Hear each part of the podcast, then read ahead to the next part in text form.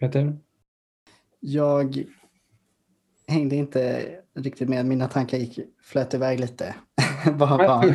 Ingen fara. Nej, nej, men vi, det, vi behövde kanske inte utdypa det någonting heller. Nej. Nej.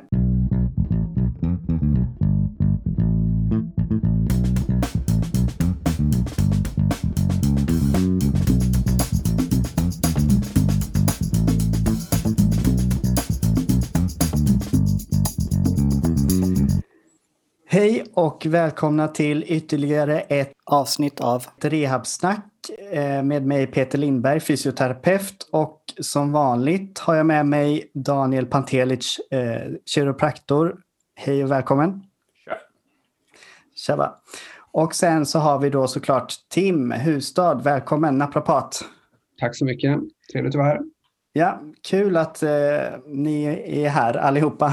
Eh, och idag har vi ett väldigt spännande ämne tycker jag. Vi ska prata om evidensbaserad praktik eller evidensbaserad vård eller evidensbaserad medicin, vad man nu vill välja att kalla det. Så, och, och det förstår jag att vi alla här har, eh, eh är intresserade av att diskutera. Ehm, så vi har några punkter, några frågor som vi ska gå igenom och diskutera lite. Eh, så jag tänkte Tim, eh, vill du börja med den första frågan? Mm, absolut. Så um, när vi pratar om evidensbaserad vård så kan ju det ofta skapa lite um, gnissel um, oss emellan eller uh, inom kårerna eller yrkena kan man säga. Um, man kan ju ofta se diskussioner mellan terapeuter och sånt som där, man känner, där det känns som att en sida lutar sig mer mot den kliniska erfarenheten och den andra sidan lutar sig lite mer mot vetenskaplig evidens. Eh, sen finns det ju väldigt mycket däremellan självklart, men man kan se lite ytterligheter kanske. Eh, och då tycker jag vi kan börja med den här frågan. Varför tror ni att det bildas sådana här läger liksom inom kårerna eller till och med mellan? Ja, eh, jag kan väl börja ta ordet där då. Ehm, ja, det finns säkert flera olika anledningar, men jag tänker en anledning kan ju vara att vi människor är ju, eller vill gärna kategorisera och sätta folk i, i fack. Eh, eller att man vill tillhöra ett läger. Liksom sådär. Sen, sen tänker jag att vi alla har ju våra bias och att man kanske lutar sig lite mer åt det ena eller det andra hållet. Och eh, en del kanske liksom tycker att eh, beprövad erfarenhet eller klinisk erfarenhet eh, väger tyngre och, och dras lite mer åt det hållet medan andra inte tycker det. Um, och en del kanske har investerat mycket tid och pengar i ett koncept som kanske inte har eh, så mycket vetenskapligt stöd och, och, och då tänker man att eh, man vill ändå fortsätta promota det man jobbar med. Ja, så att det, det kan vara några anledningar. Vad tänker du Daniel? Ehm, ja, det beror helt enkelt på också vad man pratar om, exakt vad man menar med klinisk erfarenhet och vetenskaplig evidens. Men eh, hur jag tolkar det i alla fall att en del människor tenderar att ha en metod de lutar sig ganska kraftigt mot där de själv ser effekt då när de gör det. Och det uppstår en ganska mycket det vi kallar för kognitiv dissonans, att när det kommer forskning eller liksom åsikter om att det där kanske inte är riktigt som man tror så finns ett visst obehag och obehag brukar vi hålla oss ifrån. Sen så finns det också det här med affärsmodell, då, att man, man kanske investerar som säger mycket pengar i det eller man har en, en viss typ av kundgrupp som söker en för en viss typ av behandling som man har sålt in över kanske år. Eh, och det är svårt att bryta då både eh, en metod man använder som, då, eh, som man eh, tjänar pengar på och om man skulle ändra det så skulle det kanske då affärsmodellen inte längre hålla. Sen kan det också vara så att man, man eh, identifiera sig mycket som en duktig kliniker utifrån just den här metoden och att börja om kan kännas eh, obehagligt. Eh, lite, lite svårt, det beror helt enkelt på vad vi pratar om, men jag tänker om vi just pratar om att man har ett kliniskt, en klinisk erfarenhet och sen kommer det evidens som är vetenskaplig eh, som ifrågasätter det så tror jag att det, det här är anledningen till att det är svårt att bryta det. Mm. Hur, hur tänker du det Tim? Ja, eh, personligt så har jag sett en del ehm, diskussioner eh, runt det här ämnet och eh, för det första så vill jag säga att jag tror ju kanske att de här ytterligheterna eller de som gillar att, att diskutera mycket, det är kanske lite ytterligheterna också. Jag gissar, eller har en sån magkänsla av att ganska många sitter där någonstans mitt emellan och eh, känner kanske lite både för det ena och det andra och, är i gråzonen och säger inte lika mycket. Det är en, en uppfattning jag har. Men, eh, Eh, så kanske ibland är det, det verkar vara en större eh, höll på att säga, krig än det, än det är. Men eh, varför jag tror det bildas sådana här, jag, ni har touchat på de flesta punkterna tror jag och jag tror att eh, det handlar väldigt mycket om det här sunk cost som någon nämnde här, alltså att man man har gått ut skolan kanske och så har det lite tillfälligheter har gjort att man har hamnat in i vad man tror och tänker idag och vad man gör och sånt här och man har, eh, man har blivit över, övertygad av någon eh, modell eller, eh, eller förklaring. Och så har man lagt liksom så enormt mycket tid och tanke och prestige och allting runt det. Och när man då gör ny, eller kommer med ny vetenskap som pratar emot det, alltså jag, jag har inte varit i den situationen själv direkt på det sättet, så jag, jag, kan inte prata av egen erfarenhet, men jag kan bara tänka mig hur jobbigt det kan vara att börja liksom ändra och släppa och eh, ja, eh, ändra sig helt enkelt i det kliniska. Det kan jag tänka mig är svårt. Jag har ju varit i den situationen att eh, fått en rejäl smäll av de här eh, i min karriär. Eh, så jag vet exakt hur jobbigt det var och eh, det tog emot att ändra arbetssätt. Mm. Eh, så att jag, jag kan skriva under på att det inte är roligt. Mm. Men ibland i den stunden så kändes det som att man har slängt bort många år av tid och utbildning på att liksom lära sig någonting som inte funkar. sen så efter ett tag så har man en mer nyktert, nyktert förhållningssätt till det och liksom förstår att okay, allt var inte dåligt. Men det mm. var ju ändå man hade en viss absolut syn på saker. Eh, och eh, när det visade sig vara mycket mer komplext än så, så var det jobbigt. Då var det långt kvar. Mm. Men eh, känner ni att det är lite så identitetskris inom yrkena? Då? Uh, nej, jag vet inte om jag håller med om det. I alla fall alltså, inom kiropraktorkåren så skulle jag inte säga att det finns en identitetskris utan där finns det uh, falanger som har sina starka synsätt. Mm. Uh, och det, om, om, det är, om det är en identitetskris skulle jag säga att det är en polarisering som sker mellan de som tror väldigt mycket på eh, den kiropraktiska filosofin, att man, man behandlar med manipulation utifrån eh, de här gamla förklaringsmodellerna som moderniseras, att det blir mer ett neurofysiologiskt eh, förklaringsmodell på, på samma metod. Från, det, från början var det bone, alltså ben, eh, bone out of place-förklaringen, sen blev det det här med låsningar och hypermobiliteter och nu är vi inne på mer av en neurofysiologisk respons. Eh, men metoden kvarstår. Medan en annan eh, falang då är lite mer inne på det här att kanske träning och beteende och annan typ av vävnad, att man måste rehabilitera olika typer av vävnad på olika typer av sätt. Mm. Att man liksom rör sig åt det här mer, det som man klassiskt kanske skulle kunna kalla för fysioterapeutiskt. Eh, så jag tror att det är inte en identitetskris inom yrken utan det är en polarisering som håller på att ske. Mm. Ja, vi är också ett, ja. Kiropraktorer är ett väldigt stort yrke internationellt. Eh, till skillnad kanske då från naprapaterna så är vi just lite större och sträcker oss över många länder, vilket gör att det är mm. nästan omöjligt att hålla ihop det här yrket. Ja, jag tror att vi, jag kan nog se liknande polariseringar också. Så det är nog lite samma, samma eh, recept tror jag som mm. händer inom vårt vår kår också ibland. Ja, intressant. Kanske lättare för er dock att ha en, en diskussion. Eh, ni pratar samma språk, ni kommer från samma skola. Mm. Eh, hos oss är det en del, eh, vissa skolor anses dåliga, vissa skolor anses bra och några får vara med i det förbundet och några ska vara med i det förbundet. Och det, det blir svårt att ha en diskussion. Det har dock börjat bli mycket bättre att man börjar mötas mer i mitten någonstans nu, men det, det har varit svårt.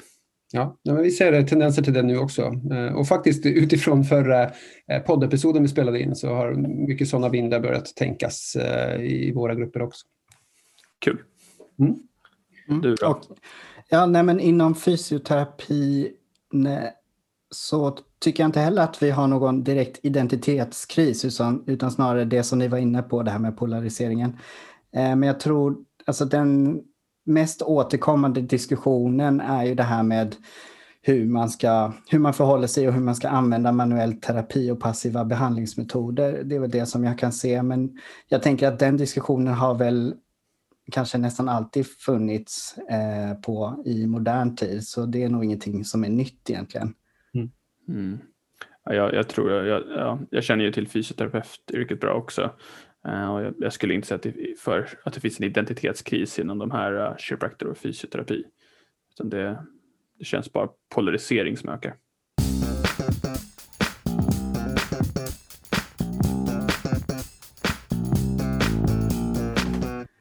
Bra, om vi skulle prata lite kring klinisk erfarenhet versus vetenskaplig evidens. Eh, och då tänker jag fråga er, kan vi lita på vår kliniska erfarenhet och hur väl kan vi lita på vetenskaplig evidens? Vad säger du om det, Daniel? Um, jag, jag, tycker att klinisk erfarenhet går att lita på, uh, den egna kliniska erfarenheten. Då, och uh, så länge man ständigt ifrågasätter sin egen utifrån. Då. Det kommer ju nya rön hela tiden. Så, så tar man hänsyn till sin egen confirmation bias, det vill säga att man, man ser en effekt av det man gör, så måste man ändå ifrågasätta den. Att det, det känns ofta som att saker fungerar men det kanske är andra faktorer som gör att det fungerar. Eh, och det här med just vetenskaplig evidens, det har ju så olika nivåer. Eh, men om, om, vi har en, en god evidensnivå, det, det, vill säga en bra metodbeskrivning, att det var tillräckligt många som var med i studien, så, så absolut, och då kan vi då kan vi luta oss mot den vetenskapliga evidensen om metoden är tillräckligt bra. Och det, det blir subjektivt, vad är en bra metod? Men det finns så många vetenskapliga studier som man då skulle kunna kalla för evidens som inte har en bra metod. Och vi som kliniker måste ha den kunskapen och erfarenheten att faktiskt titta på metoden och avgöra, kan man få ett svar på frågan utifrån den här metoden? Och om man kan det, var ett tillräckligt stort urval av patienter som då ger en bra bild av verkligheten. Så att ja, finns det bra så kan vetenskaplig evidens vara bra och det är faktiskt det enda vi egentligen har att luta oss mot. Så att evidens som, som är evidens är vetenskaplig och inte klinisk erfarenhet. Mm. Du då Tim?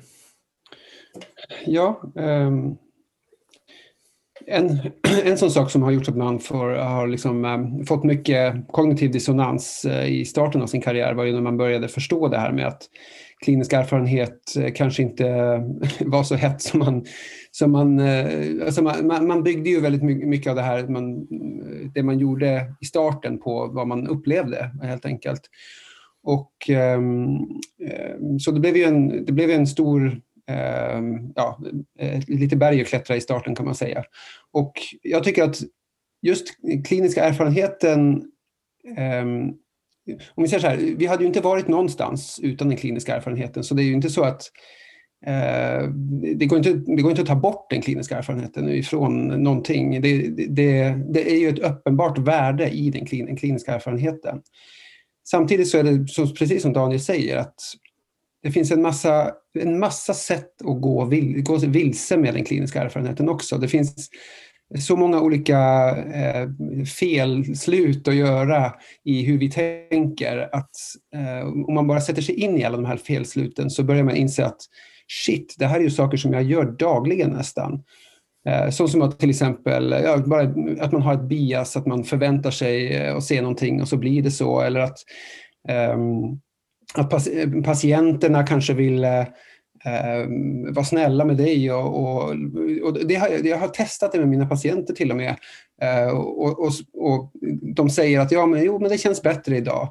Okej, okay, och så försöker jag gräva i det. Vad är det som känns bättre? På vilket sätt? Och så till slut så kanske vi kommer fram till att det var kanske inte så mycket bättre idag.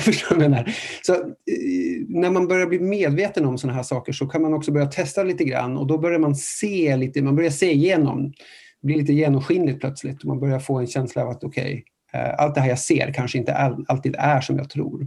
Så man måste vara uppmärksam på det. Men annars så tror jag att utan den kliniska erfarenheten så går vi ju ingenstans. Samtidigt så kan vi lita på vetenskaplig evidens. Eh, absolut, det, det, kan vi ju. Det, det, annars, annars skulle jag inte jobba efter den, den vetenskapliga evidensen. Men jag, jag märker också det att jag brukar kalla det för, um, vet ni vad ett whispering game är? Jag vet inte vad det heter på svenska. Jag är från, från, från Norge. Vi kallar det viskeleken. Man sitter i, ett sällskap så sitter man runt ett bord och så visk, någon startar med att viska en historia i någons öra och så ska man viska det runt bordet. Har ni hört talas om det förut? Ja, det är viskleken i Sverige. Viskleken, ja. ja eller viskningsleken. Mm. Viskningsleken, precis. Och mm, jag tror så här, eh, om det är någonting som gör den vetenskapliga evidensen mindre trovärdig för mig så är det att det finns så många sådana viskningsleksfaktorer i forskning också som inte syns.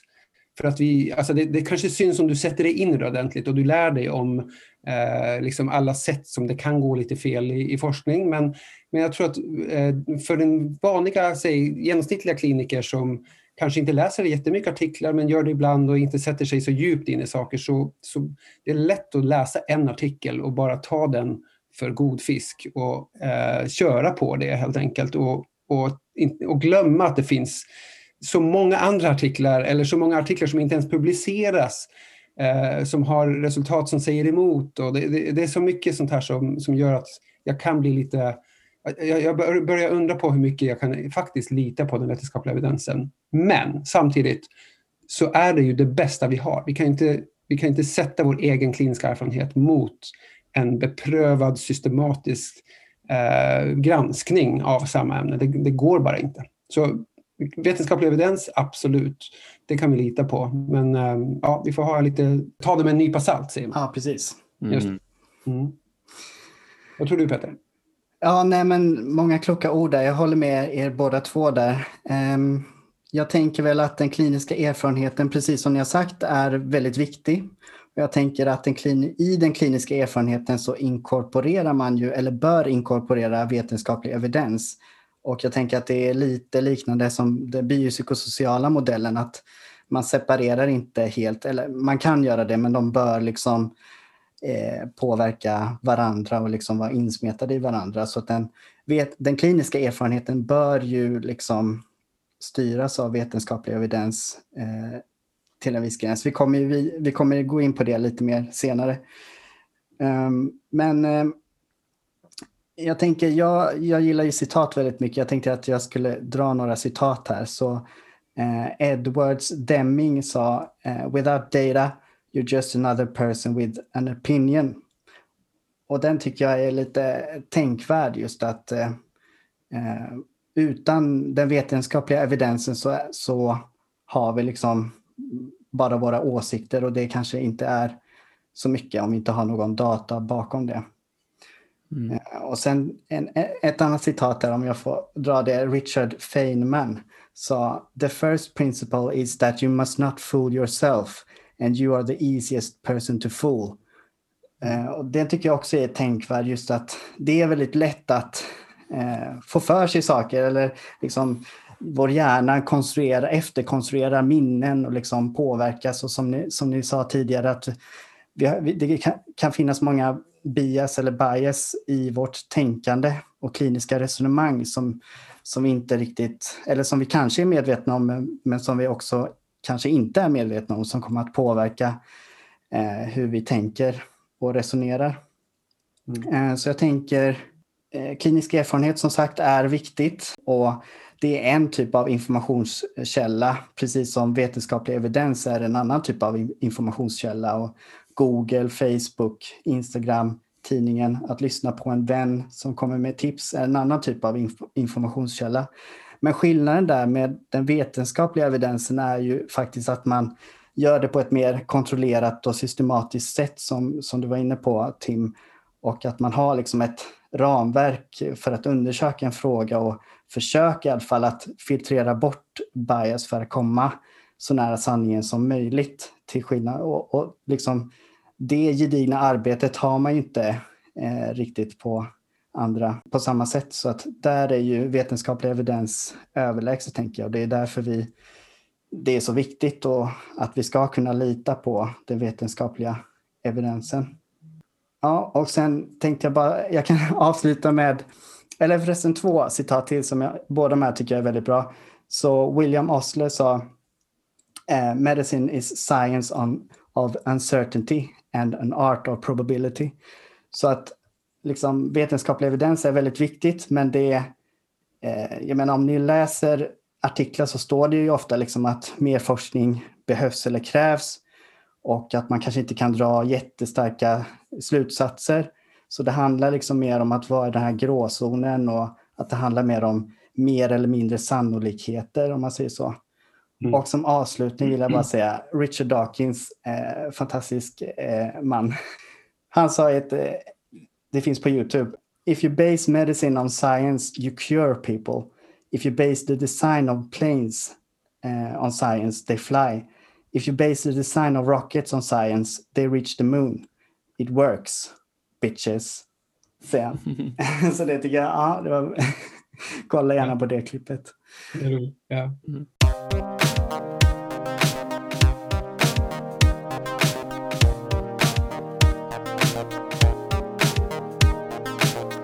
Men eh, då går vi vidare till det här med då, eh, vi har pratat lite om eh, klinisk erfarenhet och den vetenskapliga då, metoden, men, eller metoden vetenskaplig evidens. Men vad, vad, är det egentligen att då applicera det på vården? Vad, vad är egentligen evidensbaserad vård och, och, varför är det viktigt att ha en evidensbaserad vård? Har du någon åsikt där Tim? Mm. Om vi läser ifrån Socialstyrelsen så står det så här att Evidensbaserad praktik innebär en medveten och systematisk användning av flera kunskapskällor för val av insatser. Den bästa tillgängliga kunskapen, personens erfarenheter och önskemål, personens situation och kontextuella omständigheter samt den professionelles expertis. Det Lyder ju väldigt vackert och eh, tycker jag också innehåller eh, på, ja, på ett bra sätt Eh, Eh, de element som evidensbaserad vård ska innehålla. Eh, det som jag tycker eh, eller jag tror att vi, vi, är nog ganska, ganska överens om vad kanske evidensbaserad praktik är för någonting. Men jag undrar på om vi är så överens om hur vi ska applicera det. Och um, jag, jag, upplever att många tänker på evidensbaserad medicin. Som, vi har ju det här med Eh, det är evidensen och så har du eh, patientens eh, önskemål och så har du den här kliniska erfarenheten i de här tre benen kan man säga, eller cirklarna om man tittar på den här ja, modellen på, googla den till exempel. Så det som jag upplever dock, är att många terapeuter tänker på det här som, som en pall med tre ben. Så det vill säga, antingen så kan du sitta och luta dig lite grann mot din egna erfarenhet eller så kanske du kan luta lite mot evidens när det passar eller så kan man kanske lyssna lite på patienten om patienten. Alltså förstår du, men det blir lite mer, var lägger jag vikten någonstans? Och ehm, eh, det var väl Eric Meira som eh, jag i alla fall första gången såg som la ut en bild av en tratt istället.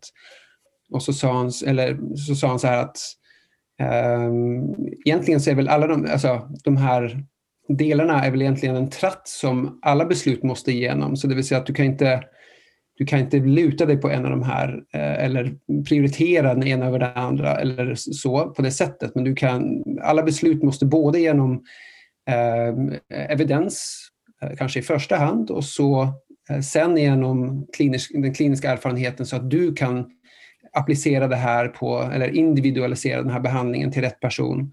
Och självklart också fråga personen eller, eller patienten om det här eh, är ett behandlingsval som de ens vill ha och så vidare. Så jag tror att om man, om, det, det heter ju evidensbaserad vård. Så om, man, om det är evidensbaserad så kan man ju inte basera behandlingen på vad patienten vill. Det ska ju vara evidensbaserad. Så det måste väl vara den första liksom vi måste igenom. Och sen eh, kan man styra det efter eh, egen klinisk erfarenhet och patientens önskemål. Helt enkelt. Så ser jag på det. Mm. Mm. Ja, nej, men jag håller mig också med där att eh, jag tycker att den här tratten eh, var väldigt bra eh, som fick mig att se på evidensbaserad vård på ett lite annat sätt och hur man kan applicera de här olika bubblorna. För det var de bubblorna, eller de tre benen som vi fick lära oss på grundutbildningen. Eh, men jag anser inte att de är lika viktiga. Eh, alltså att det finns en viss rangordning och det är därför så den här tratten så är ju evidens, eh, eh, vetenskaplig evidens är ju liksom den översta, vilket gör att när den rinner ner så det ska liksom påverkas av den bästa evidens som finns som man applicerar sen kliniskt utifrån den patient som man har och det är det som också blir sen personcentrerad vård. Mm. Så att jag tänker att basen måste alltid vara eh, evidensen eh, i om man ska jobba med evidensbaserad vård, precis som du sa Tim, att det ska vara baserat på evidens. Um, för jag tänker att det, det, det är ändå det som skiljer oss åt mot pseudovetenskap, att, att vi jobbar med evidens utifrån evidensen. Mm. Tänker jag där. Ja, för det heter ju inte erfarenhetsbaserad vård, det heter ju evidens. Nej, ja, men precis. ja. Mm. Och eh, jag kan väl bara, jag ska avsluta där med att det står också på Socialstyrelsen där att eh, den etiska aspekten är det starkaste argumentet för att arbeta evidensbaserat. Eh, om man ingriper i människors liv med syfte att hjälpa bör man utgå ifrån bästa tillgängliga kunskap som passar den enskildes behov. Gör man inte det riskerar man i värsta fall att erbjuda insatser som kan vara skadliga. Så att jobbar vi inte evidensbaserat så finns det en risk att, att vi istället kan erbjuda åtgärder som faktiskt kan skada och det vill vi ju inte göra. Mm. Mm. Ja. jag, det ni säger båda två, jag tycker är klokt. Um, hur, hur, jag ser på det här är att vi alla jobbar enligt det vi, eller man bör jobba det vi kallar för best practice, alltså det bästa tillgängliga kunskapsläget just nu. Uh, och man bör ju luta sig mot den beprövade erfarenheten. Det, det är det vi har, men, men vad, är, vad är beprövad erfarenhet? Det är, det är ett flytande begrepp, många olika definitioner, men hur jag ser på beprövad erfarenhet är att det är inte min erfarenhet utan det är egentligen att andras erfarenhet där någon annan har sett effekt som man använder sig av.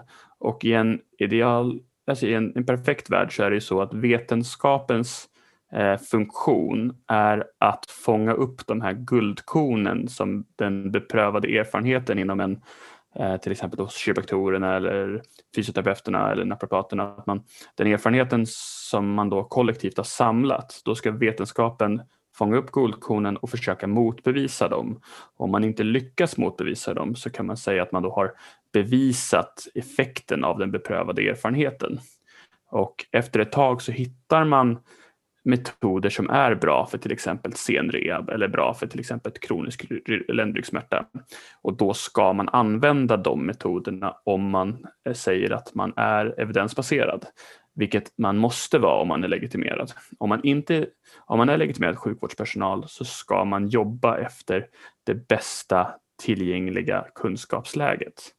Man får inte använda sin egen erfarenhet utan man ska använda den beprövade erfarenheten Eh, i den mån vi har den och om det bevisas eller motbevisas bör påverka hur vi eh, utifrån vår legitimation arbetar.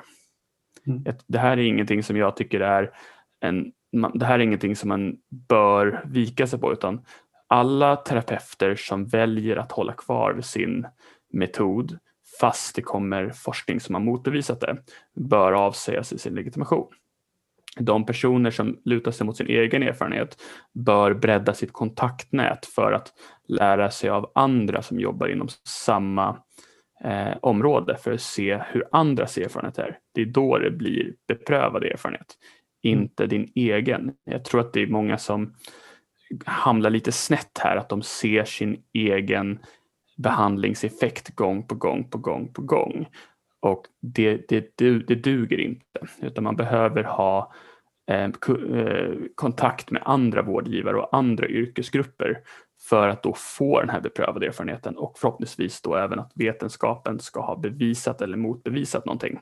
Och då kan man använda det. Förstår ni vad jag tänker? Mm, absolut. Ja. Får jag bara säga en sak jag kom på som jag glömde säga tidigare.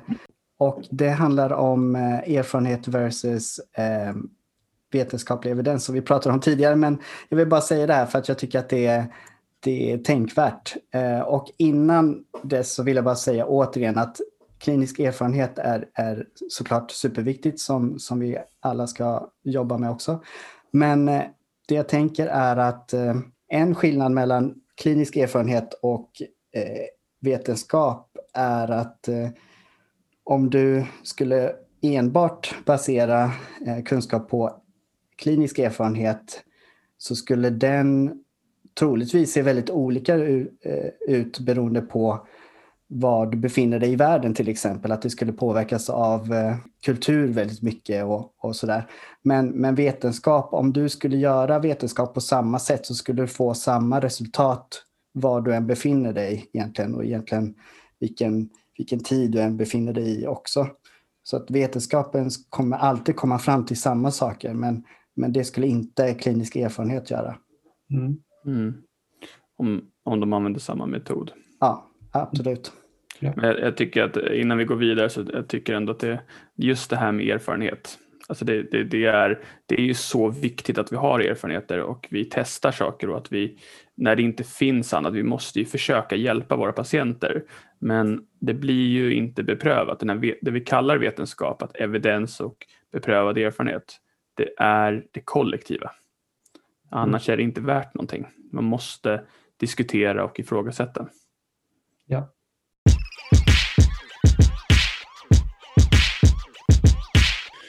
Okej, okay, om vi eh, fortsätter då så blickar vi lite grann eh, framåt. Ehm, vad är det, hur ska man egentligen göra då för att hålla sig uppdaterat, uppdaterat på så bra som möjligt sätt? Och, och vad är liksom, när kan man kalla sig evidensbaserad egentligen som kliniker? Mm. Mm. Ja, det är en, en bra fråga. Eh, jag tycker så här att jag tycker att det är viktigt att man inte stagnerar Eh, sig i sitt lärande utan att eh, man försöker att utveckla sig själv och försöka att absorbera ny information och som Daniel sa, liksom, om det kommer ny evidens som, som kanske motbevisar tidigare kunskap så ska man också då anpassa sig eh, efter det och hänga med. Eh, sen tycker jag det är viktigt att man har det som man kan kalla för en students eh, mindset om man säger så, att man ska vara nyfiken hela tiden och inte eh, ja, men det är lite samma där att man stagnerar och jobbar på som man alltid har gjort. Utan man ska vara nyfiken, öppensinnad för att man kan ha fel till exempel och, och nyfiken på att man kan lära sig av andra. Eh, även de som är nyexaminerade så att man inte tänker att man kan allting för att då det kan utgöra ett hinder för att faktiskt vidareutveckla sig själv. Mm. Eh, sen tycker jag att man åtminstone bör ha förståelse för det här vi har pratat om, vad är evidensbaserad praktik och, och, vikten av forskningen och hur man kan implementera den i praktiken. Det tycker jag är viktigt så att man verkligen... Eh, för just det här med implementering är ju viktigt för forskning i sig hjälper ingen utan det behöver implementeras i praktiken och kombineras med eh, den kliniska eh, erfarenheten. Då. Um, men sen tänker jag att eh, det är viktigt att man alltid har med sig det här att man, man ställer frågan till sig själv. Vad, vad, säger forskningen om detta? Vad säger forskningen om den här behandlingsmetoden eller undersökningsmetoden? Så att man alltid har med det tycker jag är väldigt viktigt eh, i evidensbaserad vård. Eh, om vi går till konkreta tips så nu finns det liksom hur mycket artiklar som helst som publiceras och man, det är omöjligt att liksom hinna med att läsa allihopa. Men ett hett tips eh, tycker jag är att eh, vara lite aktiv på sociala medier för där finns det andra personer som ibland kan sammanställa forskning i ett eh, lättkonsumerat format vilket i sig såklart är en ytterligare en person som kan, ja det kan bidra till bias men då kan man i alla fall få nys om nya artiklar och så kanske man kan läsa dem om man tycker att det är intressant. Så det är ett tips från mig så kanske ni kan komma med andra. Mm. Mm. Ehm, jag tycker att om man, om man vill vara en evidensbaserad kliniker så huvud, huvudgrejen ska ju vara att man ifrågasätter sitt förhållningssätt hela tiden då regelbundet och att man har förståelse för att okej, okay, du kanske har gått en utbildning, en grundutbildning för 10 år sedan eller 20 år sedan. Man kanske har gått några vidareutbildningskurser också för 10, 5, 10 år, 5 år sedan. Men det, det räcker inte utan du måste fortsätta lära. Det, det, det går inte att stanna upp, precis som du säger Peter. Sen är det det här med sociala medier, det, det är något som hjälper mig väldigt mycket. att Jag använder exempelvis då Twitter där jag följer forskare och eh, folk som är aktiva med att dela forskning eh, och får eh, det senaste den vägen. Man får det väldigt snabbt. Och så försöker jag också följa folk som inte har samma åsikt som mig själv. Speciellt då att jag kan diskutera med folk på till exempel Facebook eller Twitter. Eller då bara följa det de lägger upp för att få den, det perspektivet också. För vi vet ju inte riktigt vem som har rätt. Och man, man utvecklas ju genom att diskutera med motståndare egentligen då, åsiktsmässigt då såklart. Men folk som har en annan åsikt än vad jag har. Det hjälper inte så mycket att diskutera med folk som har samma åsikt. Mm. Ja, jag eh, håller ju väldigt mycket med i de här tipsen. Då. Eh, sättet som jag hamnade in i och tänka mer evidensbaserat var ju just att eh, startade den här sidan på, nät, eller på, på Facebook som gjorde att, eller den här Apply Science-sidan som gjorde att man nästan mm, fick kasta på sig forskning under en, eh, i starten av karriären och um, då, då vart det väldigt svårt att, att vända på den. Liksom. Och så är man, jag är lite naturligt nyfiken då så det kanske också spelar roll. Men um, Eh, definitivt att man kanske engagerar sig i någon form av grupp eller någonting på sociala medier där det kommer lite så som primärvårdsgruppen, så som du har Peter till exempel, eh, eh, är jättebra för sånt. Så att man liksom är i loopen lite grann. För jag tror att det, den, nyfikenheten finns inom oss alla men den måste liksom väckas på något sätt. Ja. Och jag tror att de flesta är bara inte i loopen. Så de, de Eh, alltså de, de, som inte eh, kanske läser artiklar eller sånt, de, hade, det, hade det varit mer nära dem så kanske man hade gjort det mer. Ehm, så det är nog en sak. Eh, och, ehm, jag tror att det viktigaste egentligen, det är för att läsa massa artiklar och sånt där, det är ju en, ett sätt att vara evidensbaserad. Jag tycker att kanske en av de viktigaste sakerna med att vara evidensbaserad, det är som Daniel var inne på, att förstå hur, på vilket sätt man faktiskt måste vara kritisk till sina egna tankar och, och resonemang. För att Eh, och att förstå hur, som jag var inne på tidigare, hur man gör felslut och, och hur man kommer till, till fel eh, konklusioner. Det tror jag har varit en av de viktigaste sakerna för mig till att, till att vilja bli mer evidensbaserad, om vi säger det så.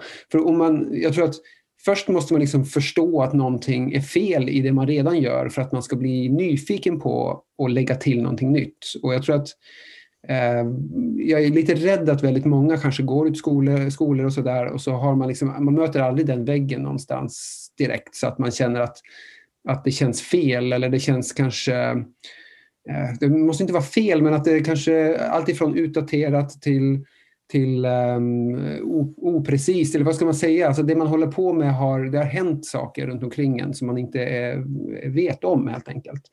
Och ska man ha den, den nyfikenheten och intresset så tror jag man måste förstå i alla fall först att man kan inte bara plocka upp en artikel och tro på att den eh, säger sanningen om allt eller på samma sätt eh, att bara för att en patient blev bättre efter man eh, gjorde en manipulation eller någon form av eh, trick, att, att det måste vara det som eh, funkar på alla till exempel. Så jag tror att det måste börja med det, det måste börja med det grundläggande Eh, och det tycker jag ju egentligen ska finnas i alla skolor, alltså kritiskt tänkande och kliniska resonemang och sånt där.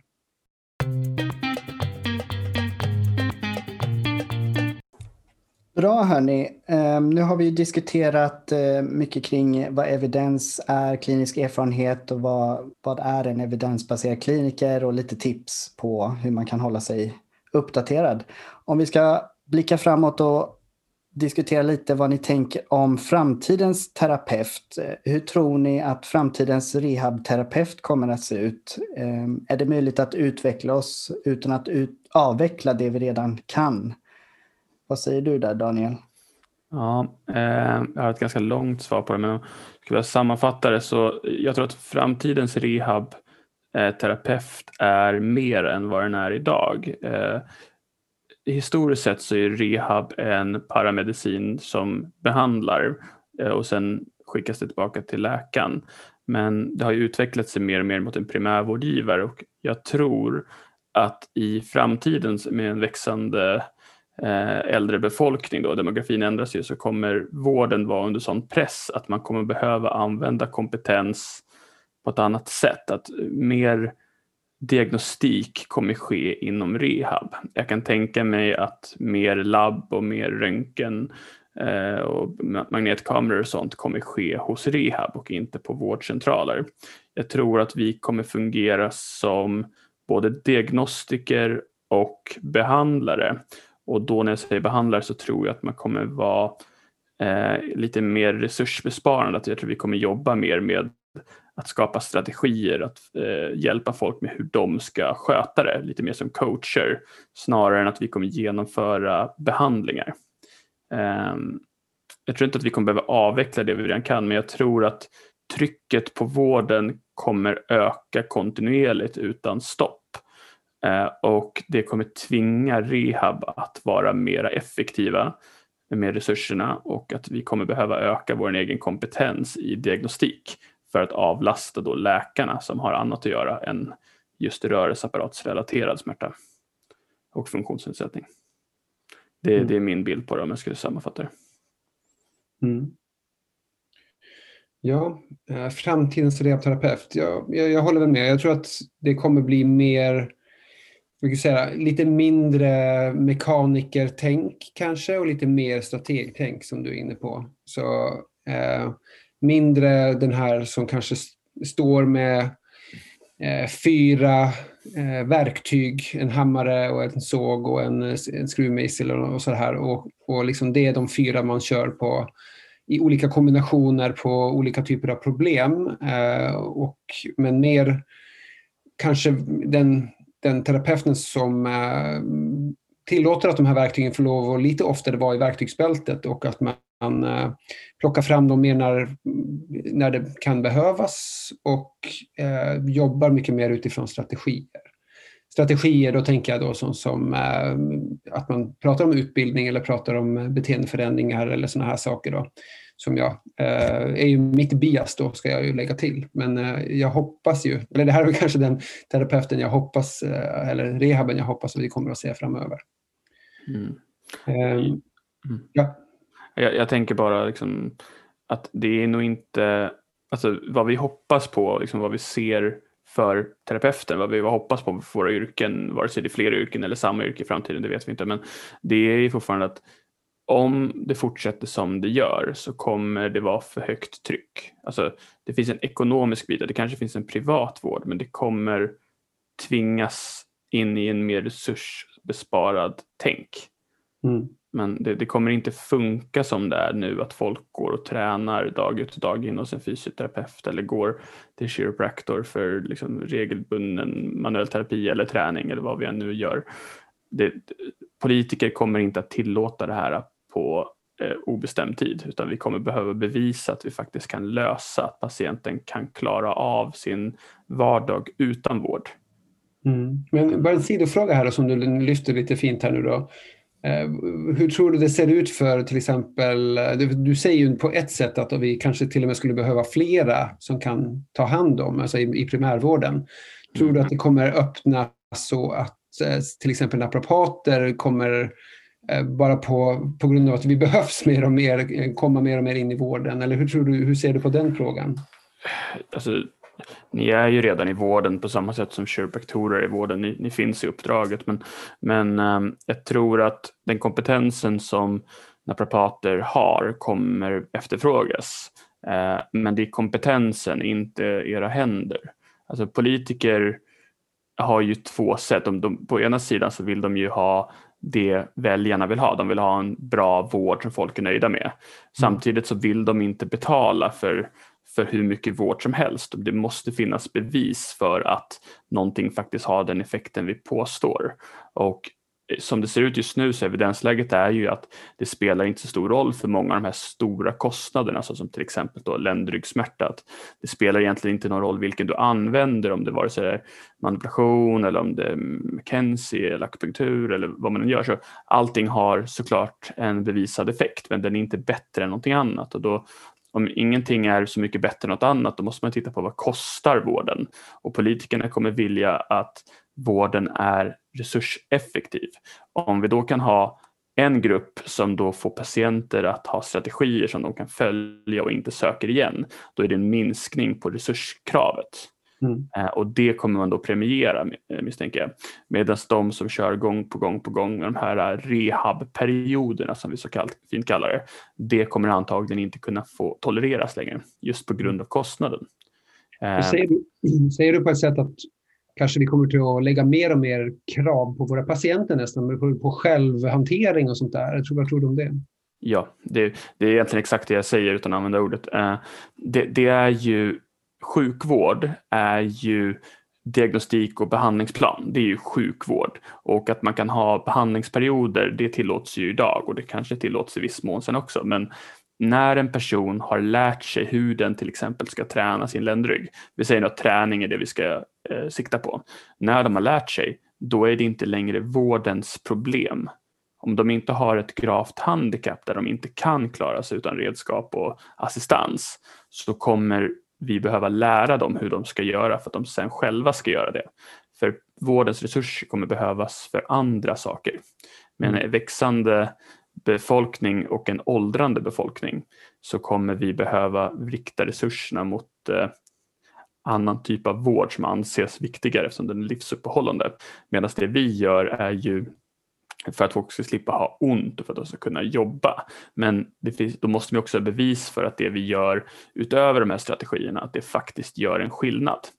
Eh, mm. om, du, om, vi, om vi tar ett exempel där till exempel då, ta som McKenzie-terapi då, att om du kan lära en person, om det finns till exempel en, en rörelse som funkar bra för den här patienten att göra, då kanske det räcker med att man har lärt den och då är det väldigt effektivt. Om vi kan bevisa att den här rörelsen för den här patienten är bra, om den bara fortsätter med det så är det bra. Ja, då kommer det premieras att den typen av terapi ska göras. Medan om du måste komma gång på gång på gång för exempelvis nålar, det kommer inte tolereras om det inte är ihållande effekt. Så jag tror att framtidens terapeut, vilken den är, kommer ha mycket krav på sig att det vi gör leder patienten till en självhantering. Alltså den har en, att den är stärkt att göra det den ska så att den inte längre kostar eh, vårdresurser. Och det är det jag tror att politiker kommer se efter ett tag och tvinga rehab att vara mer effektiva och mer värda genom då snabbare diagnostik, eh, få patienten självständig, få patienten att må bra utan att vi behövs mer för det här tillståndet. Mm. Peter? Mm. Äh, men ni har ju redan tagit upp eh, väldigt många bra punkter som jag håller med om. Jag tycker också, eller jag tror också, eller jag tänker att eh, pengar är ju det som styr samhället och även vården. Och det har ju olika konsekvenser som ni har varit inne på. Det här med att effektivisera vården så att den blir mindre resurskrävande. Och det kan också innebära till exempel att vi behöver det kommer ställas krav på både patienterna med självhantering men också på vårdgivare med till exempel att eh, kunna triagera eller screena för att få ett mer effektiv vård så att eh, de som behöver mer resurser ska få det men de som inte behöver det de ska heller inte få det. Så att man effektiviserar vården på det sättet. Eh, jag tror att det kom, vi går mot en lite mer digital, digitaliserad vård, vilket också innebär kanske lite effektivisering. Ehm, sen tänker jag väl att vi, vi kanske kommer att eh, avveckla en del metoder som, som inte når upp till kraven. Eh, att det inte finns tillräckligt med starkt evidensstöd. Ehm, och då kanske man väljer att droppa dem. Sen så tror jag, eller det här kanske mer är förhoppningar, men jag hoppas att vi vården generellt kan öka vår kompetens inom smärta eftersom att smärta är ett så eh, otroligt stort problem i samhället och kostar samhället eh, enorma pengar. Så att jag hoppas att man kan öka smärtkompetensen hos alla professioner för att den är ju idag eh, bristande. Så det, det hoppas jag att man kan utveckla. Mm. och sen så tror jag, hoppas jag också att man förlit, kan, att vi kommer förlita oss lite mer på forskningen eh, för att också effektivisera eh, vården egentligen. Mm. Ja, och kanske bara sista, vi svarar kanske inte helt på det, men kan vi utveckla oss utan att avveckla allting? Liksom? Kan, vi, eh, eh ja, kan vi fortsätta utan att släppa på grejer? Varför, varför skulle man inte släppa på grejer om man nu motbevisar dem? Ja, det är ju... Definitionen av utveckling är ju att utvecklas och om det är någonting som inte bör vara en del av det vi gör så ska det ju bort. Mm. Uh, så jag vet inte, ordet utveckla uh, kan ju inkludera att man måste avveckla någonting. Alltså det går ju hand i hand. Precis. Men med det sagt så vi vet ju inte vad det är vi behöver avveckla. Idag vet vi inte vad det är riktigt. Vi Nej. kan ha åsikter men vi kan ju, har inte riktigt motbevisat så mycket.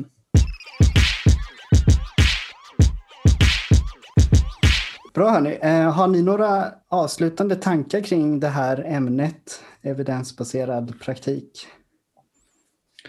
Ja, det enda jag vill säga är att, för jag har ju suttit och funderat lite grann på det här. Vi, vi, vi startar en podd eller, tillsammans. Vi är från tre olika yrken och eh, ändå har vi så pass många liknande tankar och idéer och eh, är liksom på samma våglängd på många sätt. Och då tänker jag så här, eh, när vi går ut skolan, om vi är fysio eller kiro eller naprapat eller så, eh, är vi så väldigt olika i våra liksom, eh, grundkit?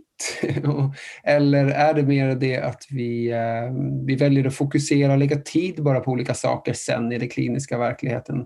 Jag, jag, eh, vi har pratat om det i förra episoden, men jag tror att möjligtvis skulle vi ju kunna utveckla oss ganska i samma riktning och tillsammans utan att nödvändigtvis måste bli detsamma, men att vi i alla fall eh, jobbar under samma principer och strategier lite grann.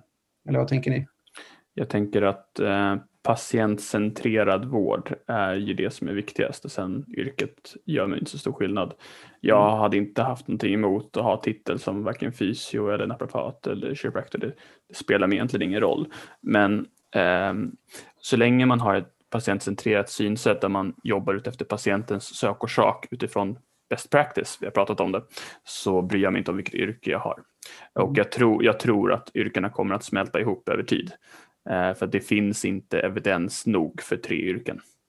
Eh, det, det, kommer inte ske nu och antagligen inte under min karriär. Men jag har väldigt svårt att se varför, vad som skulle rättfärdiga tre rehabyrken. Eh, det mest skapar förvirring. Det enda som egentligen håller isär oss är tradition. Och det står inte med i den vetenskapliga modellen. Ehm, ja, men jag håller med i det här med att um, vi är...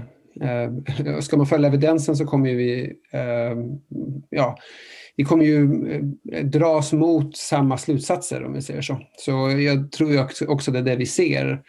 Eh, jag ser liksom... Eh, ja, jag, kan se fler... När man, när man sitter på det internationella Eh, forumet och på sociala medier och ser och, och pratar med terapeuter över hela världen så ser man ju liksom mer och mer att det är det som skiner igenom. Att vi, vi följer de samma sakerna och vi bör ju ha någon form av samma målsättning.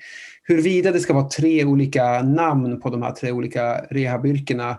Jag tror så här, jag tror eh, inte det är så farligt om det, med den här förvirringen. Om det där. Jag tror inte att våra patienter är helt eh, vilseledda om det heter tre olika saker. och så där. Jag tror att det viktigaste är nog ändå att om en patient har ett problem och väljer det ena, det andra eller tredje så kanske det finns samma grundtanke och strategier bakom det som kommer hända men kanske det ena är färgad av någonting eh, av det ena mer än det andra. Men att, eh, att det här vi pratade om sist med first line och second line treatments, att man i alla fall har någon form av grundfilosofi runt det som vi har mest evidens för. Så till exempel utbildning och träning och de här grejerna. Så det är i alla fall det jag känner är viktigast. Eh, jag kan gärna kalla mig naprapat men jag, med den här tiden som har gått nu sedan jag gick ut så har jag också känt att det spelar nog inte lika stor roll vad jag heter längre, även om jag vet att eh, många, det finns mycket traditioner och man, ja, man önskar att tillhöra någonting och sånt där. Men